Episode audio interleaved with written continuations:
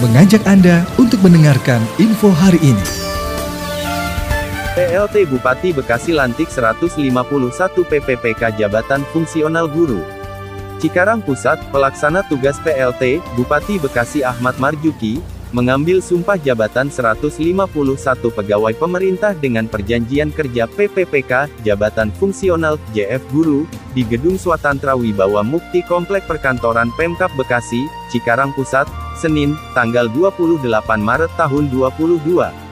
PLT Bupati Bekasi Ahmad Marjuki mengucapkan selamat kepada para guru PPPK jabatan fungsional yang telah melalui serangkaian proses seleksi dan telah diserahkan keputusan pengangkatannya secara simbolis. Saya berharap kepada seluruh ASN khususnya yang baru diangkat sebagai PPPK Jabatan Fungsional Guru tahap 2 ini untuk meningkatkan integritas dan kompetensinya, ujarnya.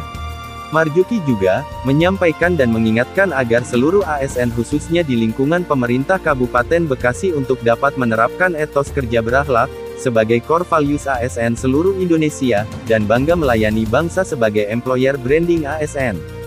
Kita ketahui bersama berakhlak merupakan akronim dari berorientasi pelayanan, akuntabel, kompeten, harmonis, loyal, adaptif, dan kolaboratif, sedangkan bangga melayani bangsa adalah employer branding ASN yang melayani dengan sepenuh hati, ungkapnya.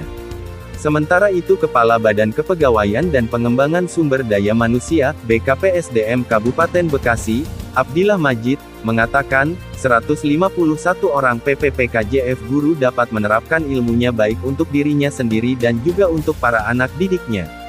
Mudah-mudahan para guru dapat menerapkan ilmu yang telah didapatkan di kampusnya yang memang sebelumnya juga sudah menjadi THL.